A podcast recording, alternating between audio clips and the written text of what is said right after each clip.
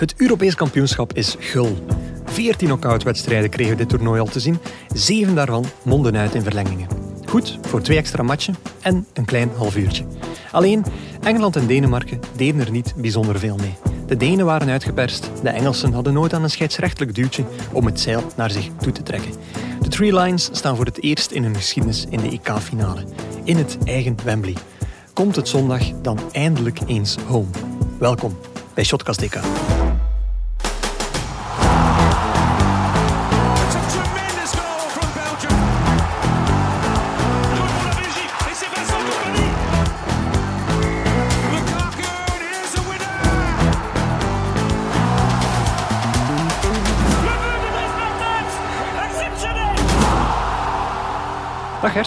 Dag Guillaume. Er zit een, eh, een soort gelukzaligheid in mijn stem. Ik Ja? ben, ben blij dat we kunnen opnemen. Ik heb er echt zin in. Oké. Ik heb er echt zin in en ik vind het altijd leuk als we de, avond, de afsluiter van de avond kunnen starten met een voetbalwijsheid van Louis, Ah, je zoon. ja, ja. Want die is er elke dag. Hè? Die is er elke dag eh, op, opvallend genoeg, want eh, ik vraag er niet naar of ik hengel er niet naar. Maar vanmorgen begon hij ineens in de auto, want ja, van de zwemles naar het sportkamp. eh, het, is, het zijn drukke Ja. tijden voor een, voor een jonge vader op dat vlak in de vakantie. Ehm, begon hij plots te zeggen van ja, papa, maar waarom we verloren hebben van Italië. Allee, hij begon te analyseren. Oké. Ik weet hoe het komt. Courtois had pijn aan zijn schouder. En blijkbaar was hij erbij gekomen omdat hij op een foto in de krant eh, bij ons de dag Ja. nadien eh, Courtois had gezien met zijn hand op zijn schouder. Maar ik denk dat hij gewoon zijn truiken goed trok of zo. Maar bo. Of hij heeft een betere speurneus dan zijn vader. ja, dat kan zijn. Ja. Inderdaad. En ja. hoe reageer je daar dan op? Eh? Ja, ik heb, ook, ik heb gezegd van dat komt misschien ook wel omdat de Italianen beter waren dan ons. En, Ja. eh, en die hebben ook een goede keeper, heb ik dan gezegd. Uiteraard. Hij kan ondertussen Donnarumma perfect uitspreken. Ook, Je eh. hebt dat echt aan hem opgedrongen. Dat, Ja, ik heb Donnarumma wel leren. Zeg het eens, Donnarumma. En dan, eh, In het begin was het nog wel moeilijk, maar nu kan hem het. Oké, zeg eens eerlijk. Als die jongen die dus speelt bij, bij Zwarte Leeuw was het, Ja, hè? ja. Eh, als hij geen switch maakt naar het keeperschap, dan mag hij van zijn vader waarschijnlijk nooit Oh, professioneel nee, nee, voetballen. nee. Het is keeper of het is niks. Nee, nee, laat maar. Want ik, ik ben eigenlijk zelf altijd jaloers geweest op spitsen die 17 dingen fout kunnen doen en toch nog een held kunnen worden. Is dit nu al een referentie naar Harry Kane? Of? we, gaan te weten komen, want eh, het is tijd dat we erin vliegen in de tweede halve finale van dit EK bespreken. Elke dag vragen onze vrienden van Biewen zich af wat er te onthouden valt van de EK-dag. En wij, wij geven hen voor de voorlaatste keer dit toernooi maar wat graag het antwoord. Gert, Engeland-Denemarken was al eh, de zevende keer op 14 wedstrijden dat het uitdraaide op verlengingen, heb ik gezegd.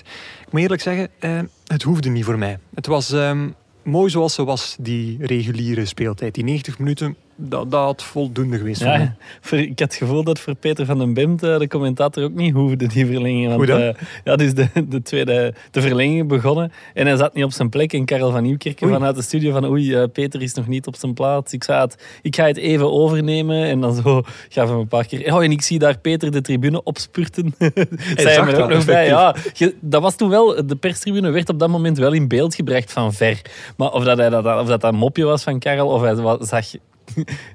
Peter echt lopen, dat, dat, dat was me niet, niet heel duidelijk. Alsof het nog niet erg genoeg is dat hij te laat is. Want dat is het ergste wat je als commentator overkomt. Ja. Eh, ik, ik denk dat er zelfs verhalen zijn van commentatoren die zelfs eens in- gewoon in een flesje geplast hebben, omdat ze het echt niet durfden Ja. missen. En Peter van den Bem zelf, die heeft al eens vastgezeten op het wc. hè, omdat zijn, zijn keel was toen zo schor. Hè, omdat hij de hele tijd heeft moeten roepen. En daardoor kon hij een bepaalde wedstrijd niet becommentariëren. Ja, ja, er is daar nog een hele sketch in de ideale wereld van geweest.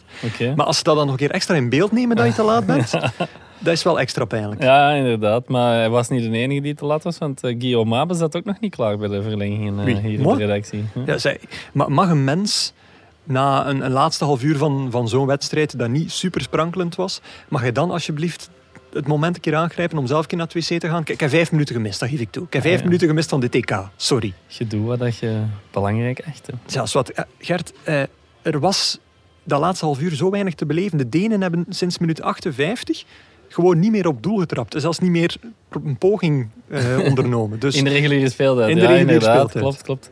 Eh, maar ik- ik heb daar misschien wel een verklaring voor. Want allee, vanaf, die, vanaf die periode besloeg Hielman volle bak aan het wisselen. Terwijl dat Southgate zijn ploeg eigenlijk grote mate liet staan. En die, door die vervangingen kwam wel zo het kwaliteitsverschil boven, vond ik zo. Uh, Denemarken want- heeft goede 11, maar geen goede 18. ja, Denemarken moest bijvoorbeeld Norgaard inbrengen. Dat is dan een speler uit de Engelse tweede klasse. Brentford, oké, ze promoveren wel. Maar ja, bon, hij speelde Mhm. afgelopen seizoen in tweede klas. Ehm, op het moment dat eigenlijk Engeland Grealish kan inbrengen. ja. Ehm, En dan dan, nog wat later er terug af te halen, Ja, maar daarover inderdaad. straks meer. maar, en dan rond de start van de verlengingen ehm, bre- brengt eh, Denemarken ehm, Jensen. Die speelt dan bij Fulham. Terwijl eh, Engeland Foden kan brengen. Ja. Ja, toch ook. Allee, dat, dat verschil zei het wel, vond ik. En dan wist je van ja, de Denen in de verlengingen, het zal. Het zou moeilijk zijn. Dan Ja. zag je wel meteen dat Bobijntje af was. En dat ze al, denk ik, vanaf minuut 70 aan het hopen waren op strafschoppen. Eh, maar, ondanks dat kwaliteitsverlies bij de Denen, konden de Engelsen niet scoren, Gert. Maar dan kan die ploeg nog altijd teren op een, eh, op een wereldsplit. Harry Kane bedoelt je? Harry Kane, hij heeft Ja. toch maar gedaan, hè, Gert? Hij heeft, hij heeft een penalty in de rebound binnengeschoten, omdat hem eigenlijk de penalty slecht trapte. Ah, is dat een uitleg? Ja, dat, dat, dat is gewoon zo. Kijk, je ziet eh, Schmeichel duiken.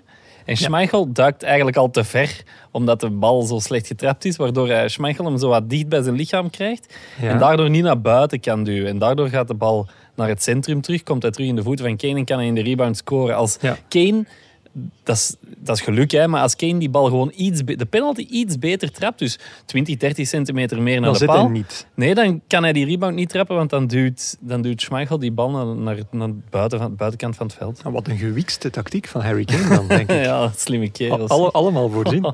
Nu, oké, ik, kan, ik kan wel inkomen in, eh, in uw uitleg. Ehm, maar ik denk dat jij zelf ook moet toegeven, voor rust was Kane wel oké. Hij was oké in het spel, ja, maar hij was niet in de zone van de waarheid. Hè. Nee, maar dat was ook wel zijn rol. Ja, dat klopt. eh, Ja. net zoals bijna elke spits tegenwoordig, of de, of de persoon die op die negen positie terechtkomt, eh, werd hem ook gevraagd om een beetje af te haken. En, eh, en Kane was eigenlijk meer aan het spelen als een tien dan als een, als een negen in die eerste helft. En dat leidde ook wel tot het balletje dat Saka doorstuurde, diep stuurde, dat dan uiteindelijk tot de ongoal van, van Keer eh, leidde. Dus Kane heeft dat goed gedaan en met vier goals maakte hij eigenlijk misschien stiekem eh, nog een beetje een kans op de topschutterstitel. Als, want Cristiano Ronaldo en Chic eh, gaan er van vijf Ja. geen zes meer maken. Maar Mr. Autogol... Senior Senior Autogol. Autogol of Mr. Eigentor gaat hij niet meer inhalen. Hè, want door dat tegendoelpunt van, eh van Kier, ongoal van Ja. Kier bedoel ik, eh, zit hij al aan 11. Elf stuks, denk ik. 11 stuks. Eh, Dat is meer ja. eigenlijk dan, dan Platini, die Maar er eens negen maakte op één toernooi. dus het is gewoon een, een ultiem record. Ja, inderdaad. Maar serieus, Eh, Kane, zie jij hem nog twee maken tegen Italië? nee. Nee, je Simpelweg ja omdat er zeggen, geen... Ja, maar de, twee goals tegen Italië, dat is al een eeuwigheid geleden. Hè? Laat staan door ja. een speler. Nee, dat klopt, inderdaad. hè. Nu, ehm, als we toch eerlijk zijn, het was geen strafschop. Dus eigenlijk had Kane zelfs nooit mogen scoren. Nee, want dat klopt. ja. Ehm, iemand zei het op Twitter, het was niet per se coming home, maar eerder een beetje diving home. Wat, eh, wat geïllustreerd werd door Raheem Sterling. op de eenhoorn, diving op de eenhoorn. Oh, oh, nee, niet proberen met, met het freelancen. Op, eh, niet zo pro- proberen zo wat mopjes plotseling erbij te halen die we, die we vooraf niet doorgesproken hebben. Want die, die vallen niet in goede aarde. Die vallen echt niet in goede aarde, Gert. Maar ehm, ja, het was gewoon geen strafschop. Sterling eh, ja, kreeg daar misschien een heel licht setje, maar het was geen penalty. Ja, denk je dat compensatie was van eh, Danny McAlee voor die eerdere fase eigenlijk met Kane, waar eigenlijk niks aan de hand lijkt op het eerste zicht. Ook niet, geen fout van de verdediger, maar misschien ook niet van Kane, maar waar Kane wel de fout tegenkrijgt in de straf. En daar echt de Engelse, Engelse sites op dat moment stonden al Daily Mail, The Sun. moor- moord, waren al moord en brand aan het schreeuwen over eh, een penalty die hen was ontnomen. Ja, ik, ik denk ook dat het wel het effect is van, eh, van het publiek. En dan in, in dit geval een thuispubliek. Ja, dat Want kan. Engeland heeft, een gigantisch voordeel eh, met het feit dat ze thuis mogen spelen. Dat er ook geen- bijna geen buitenlandse fans eh, in het stadion mogen. Dus fans van de tegenpartij. Ehm, en het was ook een beetje dankzij de onmacht van de VAR. Want ehm, als deze fout niet gefloten wordt, gaat hij nooit herroepen worden om wel een penalty te geven. En als deze fout gefloten wordt, gaat hij ook nooit herroepen worden om hem niet te laten doorgaan. Klopt. En ehm, je kan zeggen, de VAR die fluit eigenlijk een, een perfect toernooi, volgens de bestaande regels. Maar ik denk dat het al een paar keer is aangetoond dat de regels gewoon niet meer goed zijn. En dat we na TK stevig moeten durven nadenken over een andere invulling van de VAR. Want De clear error. de clear error regel, dat, dat kunnen we gewoon niet meer verkopen. Dat, dat, dat pakt niet meer bij mensen. Toch? Ja, ja, ja, in dit geval is dat een raar gevoel. Hè. Je ziet eigenlijk dat het, dat het helemaal niet, niet zo juist is en toch kan de En VAR toch niet volgens de regels Ja. kan je dat niet herroepen. Want de Inderdaad. VAR zelf moet toch ook met een knagend gevoel zitten en denken van, goh, eh, we hadden daar tegen Zweden die fameuze fout, eh, waarvan eh, het duidelijk rood was, maar dat sommige mensen dachten van, oh ja, maar dat is gewoon een stevig spel. Ja. Vooral Engelsen. En dan Ja. heb je nu Engelsen die eh 100% eh, beweren dat dit duidelijk een strafschop is. Ehm, en kan de VAR niet ingrijpen. Dat dus, dus dat is gewoon jammer. Ja. Het, is, het is een beetje een, een zuur kersje op, op, een, op een mooie taart, want de, match en de avond was wel leuk en correct en lekker begonnen. Ja, het was een toffe match. Allee, zeker in het begin. Allee, de, begon eigenlijk al voor de wedstrijd. Hè. De, de Engelsen die zich zegen zeker waanden al door... We hadden allemaal gehoopt dat de Denen hen een klein beetje bescheidenheid Ja, zouden kunnen inderdaad. Hè, bijbrengen. want, want de, de krantencovers, eh, de- allee, daar stonden titels als It's In- It- Italy versus England, een asterixje. Toen En Italië zich superklein, kwalificeerde. Ja. or Denmark. En dan ehm, bij de Sun was bijvoorbeeld Italian is next on the menu. Ja. Terwijl de, hun eigen match nog gespeeld moest worden. Maar bo, ehm, allee, het werd wel even stil op Wembley hè, toen die eh 0-1 van eh Damsgaard Eh, zeg niet Damsgaard, zeg Damsigno. Want we hebben niet alleen de Engelse, maar ook de Deense websites een beetje Ja. gevolgd. En ik denk dat Extra Blad het was, die al direct zei van oh, prachtige vrije trap van Damsigno. Eh, is misschien ook een beetje overdreven. Ehm, beetje. maar ja, het was gewoon wel een heerlijke, een heerlijke vrije trap. Het was ook de eerste directe vrije trapgoal van dit toernooi. Ja, straf. Ehm, normaal zijn er altijd wel zo'n drie tot vijf, denk ik. Maar de, de eerste in de halve finale is inderdaad wel straf. Maar echt, aan deze goal was, alles goed. Die trap was perfect. Ehm, eh, er was een gat dat gecreëerd werd in het muurtje door de Denen. Waar ze dan... eh, Door een eigen muurtje te zetten. door een eigen muurtje te zetten. En ze doken daar dan in op het moment van de trap, waardoor Pickford zijn zicht wat belemmerd Ja, werd. Ehm, dat was er goed aan. Eh, er was ook heel goed aan dat eh, Phillips, die eigenlijk de muurligger was, zodat de bal niet onder de muur geschoten kon worden, dat die eigenlijk totaal geen nut had. Het is altijd grappig als een muurligger totaal Ja. geen nut heeft. Ja. Heeft Ehm, meestal geen nut. hè. meestal geen nut. En dan had je Pickford zelf, die er ook net niet bij kon en voor jou dan in de fout gaat, of wordt zijn zicht effectief gewoon Ja, te zijn veel zicht wordt wel belemmerd. En het was wel heel hard. En het schot gaat niet, natuurlijk niet rechtdoor. En de bal valt. En er zijn wel wat verzachte omstandigheden. Maar op dat niveau, als die bal zo ver in het midden komt... Ja. Ja, dat moet je hebben, denk ik. Ja. Maar het was eigenlijk ook niet zijn... Het was wel zijn meest beslissende, maar niet zijn slechtste actie van nee, de nee, avond ja, hij had ook al eh, iets daarvoor zo de, een, een bal slecht uitgerold.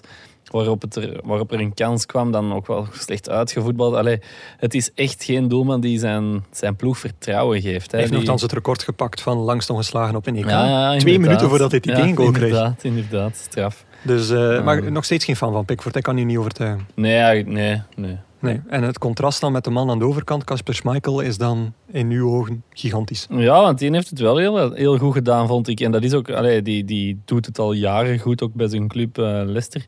Eh, want ik moet toegeven, mijn finale Denemarken-Italië had ik het wel moeilijk gekregen om te kiezen tussen Donnarumma en Schmeichel. Want, Dan moet Louis ook al twee namen van buiten leren. ja, maar Donnarumma is, is volgens mij nu wel de beste doelman, zeker van de twee. Maar eh, bij Schmeichel speelt ze wel die nostalgie, want als kind, als ik dan in de goal ging staan, ik speelde ook echt Pieter Schmeichel dan. Oké. Ehm, dus trouwens, die eerste redding ehm, in de eerste helft op Sterling, Ja? waar Schmeichel zo, Casper Schmeichel zo met zijn benen open en zijn armen open uitkomt, dat is echt vintage Pieter Schmeichel. hè. Hij heeft zo'n manier van kippen uitgevonden. Ja. Dus als hij uitkwam vroeger, dat deed hij constant. Hij deed dat tot in de perfectie. Zo, ja, die één tegen één situaties, die beheerste hij daardoor echt perfect. Dat was echt, eh, ja. En, en helemaal op het einde van de match deed Casper Schmeichel het nog eens. Echt zo, ja, één op één zijn pa gewoon. Hè. Ja. Weet je hoe dat ze dat noemen in het jargon? Ik ga u nu een keer proberen Oh, verbazen voilà, met, voilà, een, met een jargon. keepersweetje. Zeg Nee? het eens. De starfish. De Starfish. Dat is de naam Engel- die ze er in Engeland aan Ah, geven. in Engeland. Ja, oké. Een goede naam? Ja, ja, inderdaad. Zoals starfish crunches die je Ja, kunt doen in de fitness. inderdaad. Is dat, is dat de starfish? Oké. Ehm, maar ehm, ja, dat, dat was misschien wel nog een van de makkelijkste Ja, dat was kon op doen, hem hè. van, van Sterling. Zijn beste was misschien eigenlijk eh, wel de, de redding op die koppel van Maguire. Ja. Ehm, prachtig, dat was hè? echt een gemaakte goal eruit. eh, Is het eerst zo'n stapje en Ja, dan springt hij pas. inderdaad. Ehm, maar ja, ook in het begin van de verlenging pakte hij dan die, een goede bal op eh, schot van Kane. En, en ja, de penalty ja, hij zit ook in de goede hoek. Hij zit al te ver, Ja. eigenlijk zelfs. Ik onthoud, Dus, eh, goed schot van Kane uit de mond van Gert Nee, onthoud een goede redding op een schot van Kane. Nee, een goed schot op een goede redding. Een goede redding op een goed schot, heb ik gehoord. Nu, eh, die, die saves die je allemaal opzomt, een leuk statistiekje tussendoor. Op een bepaald moment zat hij aan, aan zeven reddingen. Wat het meeste is voor een Deense doelman sinds, drie keer raden, Pieter. Pieter Schmeichel Ah, in de ja. finale van het EK 92 tegen Duitsland. Ah, oké. Straf. En over Pieter gesproken trouwens, ik heb ooit één keer de kans gehad, eh, en dat is de enige keer in mijn leven dat ik dat overwoog, om als journalist in functie, zal ik zeggen, Ja? eh, een selfie te nemen met Oh, iemand. nee, nee, dat is not done. Hè? En dat was tijdens de wedstrijd, de kampioenenwedstrijd van Leicester, de, de viering eigenlijk. Eh, ik was daar en twee rijen voor mij zat Pieter Schmeichel. Ja. En ik heb echt 45 minuten heel de eerste helft zitten tobben, overwegen. Ga ik het doen, ga ik het doen? Ik heb het eigenlijk niet gedaan. En wat heeft u tegengehouden uiteindelijk? Mijn, mijn journalistenkaart, mijn perskaart die rond mijn nek. Oké, ja. Ook leuk dat de werkgever nu te weten komt dat je 45 minuten lang niet naar de match hebt gekeken, maar hebt zitten tobben over al dan niet een eh, selfie met, met Pieter Schmeichel. Ik, ik had het misschien toch wel gedaan. Als, zo, als hij echt zo'n eh, icoon was of idool was voor u, dan zou het wel gedaan moeten hebben. Ja, ik heb er niet echt spijt van. Dus. Geen spijt van, oké, ça va. Ehm, heb je er spijt van dat zondag finale Italië-Engeland is? Eh, Ja. Tevreden mee? Of Als ik naar mijn eigen voorkeur kijk, had ik liever ehm, Denemarken gezien. Gewoon omdat ik ik dan had ook... liever België, Nederland gezien? ja, inderdaad. Maar als ik van de match van vandaag moet kiezen, had ik liever Denemarken gezien. Eigenlijk omdat ehm, als Denemarken dan die finale speelt, had ik neutraal die finale kunnen zien. Want dan had het voor mij eigenlijk weinig uitgemaakt wie, er, wie er wint. En nu op een of andere manier door, door de arrogantie van het Engelse volk en dat ze er al zo zeker van zijn dat ze, dat ze Europees kampioen gaan worden, heb ik toch nu een lichte voorkeur voor Italië. En dan kijk je toch anders naar die matchen. Ja. Dan, dan wilt je ook gewoon dat het loopt zoals je wilt dat het loopt. Terwijl, Dus eigenlijk had ik voor neutraal te, te kunnen kijken liever de Denen. We gaan niet ontkennen dat we ook vandaag graag de Denen hadden zien doorgaan. Ja, inderdaad. Maar langs de andere kant, eh, de, de Engelsen die naar de finale gaan, ja, dat is, allee, ik denk wel dat dat een fantastische beleving zal worden. Ja. Als je nu na de wedstrijd al ziet wat dat er nog gebeurt, die Sweet Caroline waren ze aan het zingen en die supporters die daar compleet gek worden. En, en, allee, we krijgen nog vier dagen madness. En Inderdaad, op ja. zich, ja, ik ga het van mij afzetten een beetje, de arrogantie van de Engelsen, en ik ga ervan proberen te genieten van hoe die mensen dat nu Oké, beleven. eh, daar hou ik u aan eh, Ja. de komende dagen. Ehm, ik moet ook zeggen van, ik, ik gun het vooral de spelers. Normaal is er altijd wel zo één figuur in een ploeg waardoor je afknapt op die, op die ploeg of dat team. En nu heb ik echt zoiets van, het zijn die spelers, want net, net als de rest van de wereld moeten zij ook die gekte ondergaan. ja, dat is waar. En, en, en die moeten echt eh, dat weerstaan zelfs. Die, die, die worden zelfs eh, bijna scheef bekeken als ze niet meegaan aan die gekte. Ja. Die, die moeten de ratio behouden. Het is daarom ook dat, dat Southgate er altijd uitziet alsof, die, eh, alsof er iets in zijn gat steekt, waardoor hij zich niet volledig emotioneel kan, eh, kan, kan uitdrukken. Maar ja, ik, ik gun het die spelers wel. Dat, dat het voor hen een mooi afloop kan kennen, zodat ze eeuwige helden zijn. En dat ze dan eigenlijk alleen, nooit meer het tegenovergestelde, de, de positieve tsunami die dan een negatieve tsunami wordt, dat ze dat nooit over zich heen gaan krijgen. Ehm, want als je zelf ziet dat, dat, dat de VRT-redactie in Villa Sporza dan zelfs eh, vrolijk mee zit en zingen met, met Sweet Caroline, dan heb ik zoiets van, goh, ja, dan, dan voelde de vibe niet aan met wat dat er in de rest van de wereld buiten Engeland leeft eigenlijk. Namelijk dat wij dit allemaal niet leuk vinden. Nee, Toch? nee. Maar wat, nog wel, wat ik wel leuk vind, is zo de Engelsen, ja, hoe, hoe vindingrijk dat ze zijn en hoe, hoe zot ze worden eigenlijk. Allee, we kregen iets doorgestuurd van een collega die, die dat kreeg van iemand die in Engeland woont. En eh, dat was een menu van een, eh, van een restaurant, een, Ja. een, een hotelrestaurant. En dat, dat menu heette al... Woordgrapjes. Ja, Oh. Ja, ja, zeg Dat menu heette al het Marcus Rash Food Menu. Wow, dat is. En ja, wat stond erop? Ehm, het was eh, It's Coming Homemade Chicken dat is wel een goedje. with, with Declan Rice en, Declan Rice. ja. en Luke Col Coleslaw. En Luke Coleslaw. Oké, ja, En dan eh, ook eh, Jordan Picky Bits stonden erop. Eh, Tyrone Onion Mings. en dan Kelvin Philly Chips. Chips, ja, oké. Dus, ehm, ja. En Sakampi. Vond ik de beste. Oh, dat vind ik ook wel nog de beste. En die onion mings vind ik ook Ja, wel heel van. Oké. Dus ja, dat is dan wel het, het, ehm, het, eh, de positieve kant, of de positieve zijde van de medaille. Eh, maar het punt is, zondag, ja... we gaan nog steeds eh, een wedstrijd zien, denk ik, vrees ik, die, die langs één kant leuk zal zijn. Want Engeland is nog steeds niet leuk om naar te kijken. Als je, als je Grealish er in de tweede helft inbrengt, om meteen na die goal, de rebound goal van Kane, er weer uit te halen voor verdediger Trippier, ja, dan, dan wil je ge- gewoon herinnerd worden als een kampioen à la France. Ja. Dan wil je gewoon dat iedereen zegt van oké, je hebt hem gewonnen, maar we hebben niet van u genoten. En ja, alles moet wijken om die eerste EK-titel binnen te halen. Wij zouden exact hetzelfde Ah, wel, doen in België. Eh, maar je wint er geen zieltjes mee. Nee. En ja, dat is gewoon voor ons in onze situatie nu een beetje, een beetje jammer.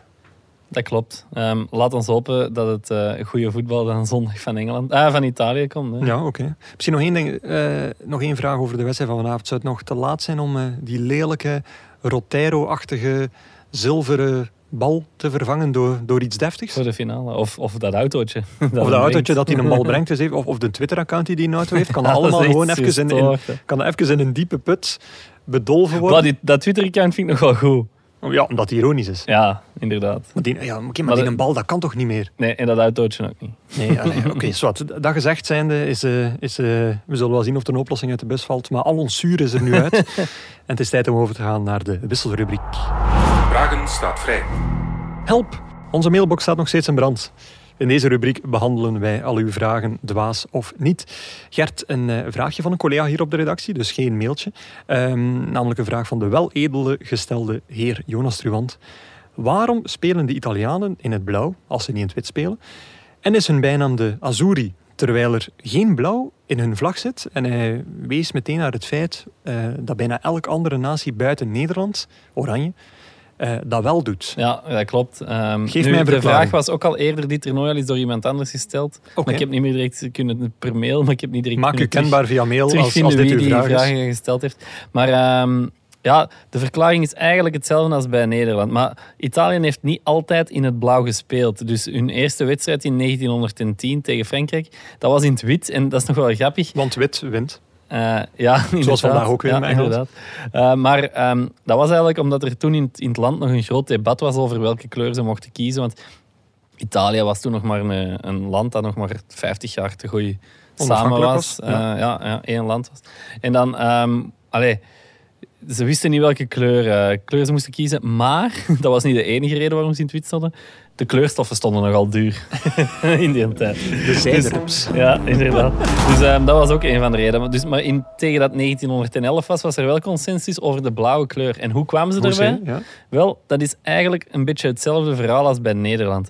Ehm, die spelen in het oranje, omdat, omwille van het huis van Oranje, hè, de, Ja. het, het, het Nederlandse koningshuis. Daar Oranje komt Nassau, ja. daar komt eh, de, de kleur van. Wel, bij Italië komt dat eigenlijk van Casa Savoia, Ja. Ehm, het huis van Savoie. Ehm, en dat is het huis dat Italië, Italië verenigde sinds 1861. Dus dat is Ja. eigenlijk het latere koningshuis geworden van eh, Italië. Die hebben ook de laatste vier koningen geleverd voor er een republiek was. En die hun kleur was het Savoie blauw of het Savoie azuur. En daarom kiezen ze Zijn ze voor... naar eh, Azura Azuri ja, eh, geweest. En is dat dan altijd zo geweest? Want Ja, dus Italië heeft toch wel een, een, een, een min- een politiek onevenwichtige ja, ze loop een gekend sinds periode gekend 1860. die zonder, niet, niet zo eh, koningsachtig was. Het, het, eh, Ehm, het fascisme. Ja, dus in de jaren 30 hebben ze, eh, speelden ze volledig in het zwart omdat Mussolini dat wilde. En dan moest het zwart zijn. Ja, volledig zwart. Ja. Ja. En wat deden ze dan als ze tegen Duitsland spelen? Die waren ook waarschijnlijk het dat, weet ik niet. Geen idee. Ja, een pittige voetbalmatch. Eh, is er nog iets sportief te melden over Italië? Want eh, eh, Italië speelt even goed als Engeland een EK-finale zondag. Ja, inderdaad. ehm ja, goed nieuws voor de Italiaanse ploeg is, is eigenlijk misschien dat er toch Italiaanse tifosi in het stadion zullen zitten Ja. zondag. Dat was eerst, eerst was er gezegd van ja, er gaan geen Italianen naar Wembley mogen, maar ehm, met chartervluchten mogen er toch duizend Italianen van, van, allee, naar Wembley, allee, naar Londen reizen. Maar ze mogen slechts 12 uur in Groot-Brittannië blijven. Dat is heel En, kort, eh, moest je winnen. ja, er zijn... En voor Italianen die in Engeland resideren, zijn er 6500 tickets beschikbaar. Dat is eigenlijk te vergelijken dan met wat er vandaag van Ja. Denen zat. Ik eh niets van Denen hoort, eerlijk gezegd. Nee, dus we zullen nee, ook niet zoveel van weinig. Italianen Ja, horen. eh. inderdaad. Garantie dat het volkslied bijvoorbeeld uitgefloten eh, zal worden. Dus eh, het zal, het zal, zal pittig zijn, Er zal veel van Cellini moeten komen, denk ik, om de, om de Italiaanse mentaliteit hoog te houden. En natuurlijk van de Italianen op thuisfront, want eh, de, in het Olympisch Stadion in Rome wordt de match wel gestreamd. Nou, oké. Dus daar zal er wel een, eh, een feestje zijn. Ehm, Of allemaal, niet. Of, of niet, of niet. het lijkt ook allemaal pijs en vrij bij de Italianen. Maar in eigen land is er, is er toch ook een negatieve kant eh, opgedoken aan, eh, aan het behalen van de finale van de Italianen. Hoe kan dat? Ja, je moet weten, we worden heel politiek. Maar er is een, eh, in Palermo momenteel een, een soort eh, ja, staking aan de hang eh, bij, de, bij de vuilniskar. Dus bij de vuilnisophaling. Waar gaat dit naartoe? Ja, waar gaat dit naartoe? Ah, wel, we zouden het eigenlijk wel kunnen raden. Maar ehm, bij de vuilnisdienst zijn er dus eh, op dit moment een paar stakingen. En eh, de dag na het behalen van de EK-finale zijn die problemen nog een beetje verergerd. Want 23 eh, werklieden die hebben op de ochtend eh, van, na de EK-finale gezegd van goh ja, wij sluiten ons aan, wij kunnen echt niet komen werken. maar Een er baaldag. Is, er is een beetje eh, vermoeden dat het eh, feestje de dag voordien eh, een beetje te stevig was en dat dit een ideale het, vuil, uitweg het was. vuil is niet kunnen opgehaald worden in, In Palermo. Palermo. omdat de Italianen gewonnen hebben. Ja, dat is en- eigenlijk de bottom line. De baas van de lokale vuilnisophaling, die, die had ook een voetbalvergelijking in huis. Die zei van, ja, het lijkt hier alsof ik hier het vuil, het afval moet ophalen met een ploeg van elf spelers zonder bank. en, en daar zal het wel op neerkomen zijn. hè. Ja, elf spelers moeten ook een keer kunnen wisselen. En dat zal hier niet het, het geval geweest zijn. Goed, eh, Gert, ehm, Ja. nog één eh, opvallend dingetje, dingetje, alvorens we naar de afsluiter gaan. Mhm. Ehm, nu dat er zo steeds minder ploegen deelnemen aan het toernooi, merk ik, en dat, dat merken we allemaal een beetje, dat andere landen toch een beetje die EK-titel zich eigen willen maken. Een voorbeeldje was al vandaag. Eh, Danny Meckley, Nederlander, die fluit die halve finale. In heel veel updates van Football International, bijvoorbeeld over de match, werd heel vaak de naam Danny Meckley vermeld. Van Meckley fluit dat. Of Ja. de spelers lopen samen met Danny Meckley ja, op dat het was veld. een live push of zo. Hè? Ja, wel, dus, dus dat zouden wij nooit doen. Eh, wel zouden we dat gedaan hebben in een tijd dat we zelf niet mochten meedoen en Frank de Bleker onze belangrijkste vertegenwoordiger was. Dat stond een halve finale van een groot toernooi volledig in teken van hem. Ehm, en de Nederlanders zijn ook al bezig zo van, ja, Bjorn Kuipers eh, die de finale gaat fluiten, ja, dan is die finale toch een beetje van ons. wel, ehm, mijn vraag dus aan u, kunnen wij Belgen op een of andere manier die EK-finale toch nog, gezien de Rode Duivels het zelf niet gedaan hebben, een beetje de onze maken? Goh, ja, als we, als we willen wel. Want eh, als stel Italië wint, Mhm. dan eh, hebben de Rode Duivels twee keer op rij verloren van de latere winnaar.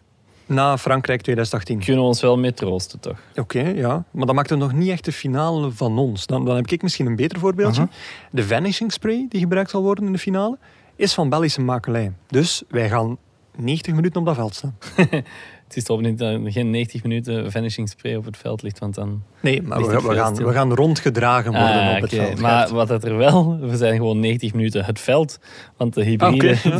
de hybride grasmat van eh, Wembley is gedeeltelijk Belgisch. Eh, er is een bedrijf uit Leden dat, Ja. dat, die, dat die mee heeft aangelegd. Dus eh Oké, goed. En dan, Belgische ga, finale. ah, wel, dan ga ik er nog een schepje bovenop doen, want ook de beveiliging rond en in het stadion is in handen van Pitagon, wat een bedrijf is uit Anderlecht. Pitagon, wel een rare naam. Pitagon, ja, als ik dat goed uitspreek. Ja. Pitagon is misschien ook wel juist. Maar Gert, allez, bottom line. Eigenlijk zijn wij de ware Europese kampioen, want die finale is van ons. ja. Ja, toch? Ja, ja, ja. absoluut. Ja, helemaal. Eh, maar dan, eh, dan kunnen we zonder eh, zorgen overgaan naar de afsluiter. En dat gaan we nu doen.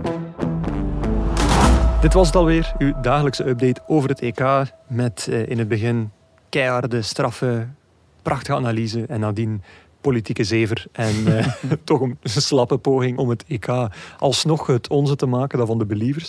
Gert, wat staat er vandaag nog in de krant? Ehm, ja, vandaag een artikel, allee, naast alle geweld over Wout van Aert, die eh, hè, Shotcast, de wielerpodcast zeggen we wel eens in het reguliere seizoen, hè, dus na al het geweld van Va- Wout van Aert.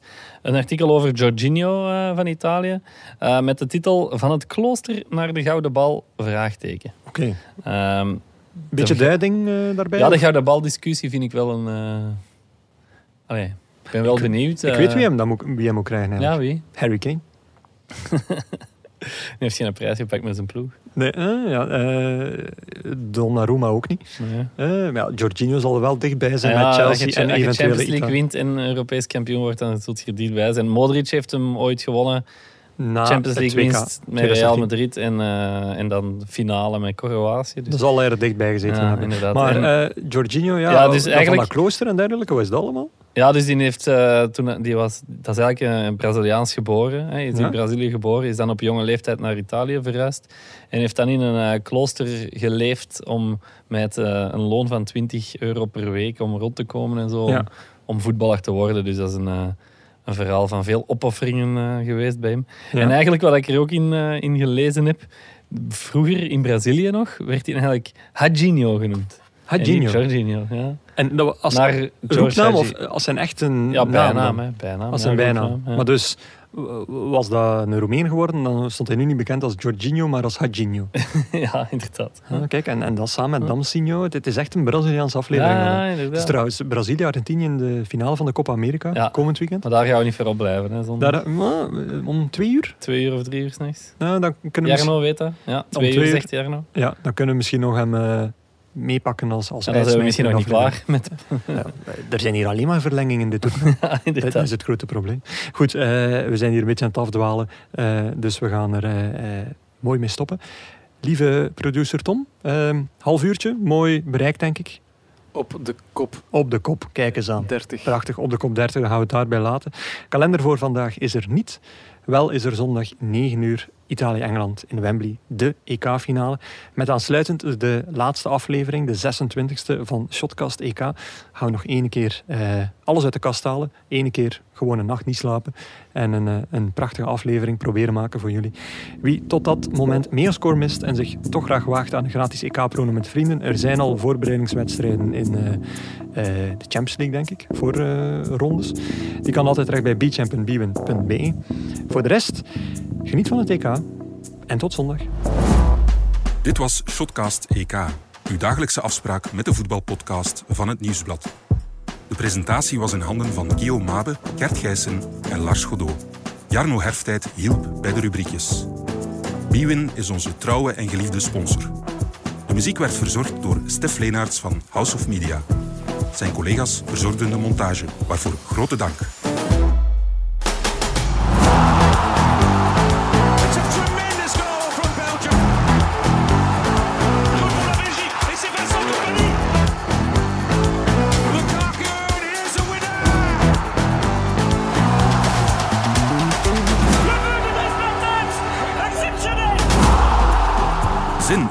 Podcast van het Nieuwsblad? Kies dan voor onze wielerpodcast De Koers is van ons, onze politieke Actua-podcast Het Punt van Van Impe of onze crimi-podcast De Stemmen van Assise. Ook Slimmer Leven en ons magazine Billy kan u niet alleen lezen, maar ook beluisteren. En anders, tot morgen.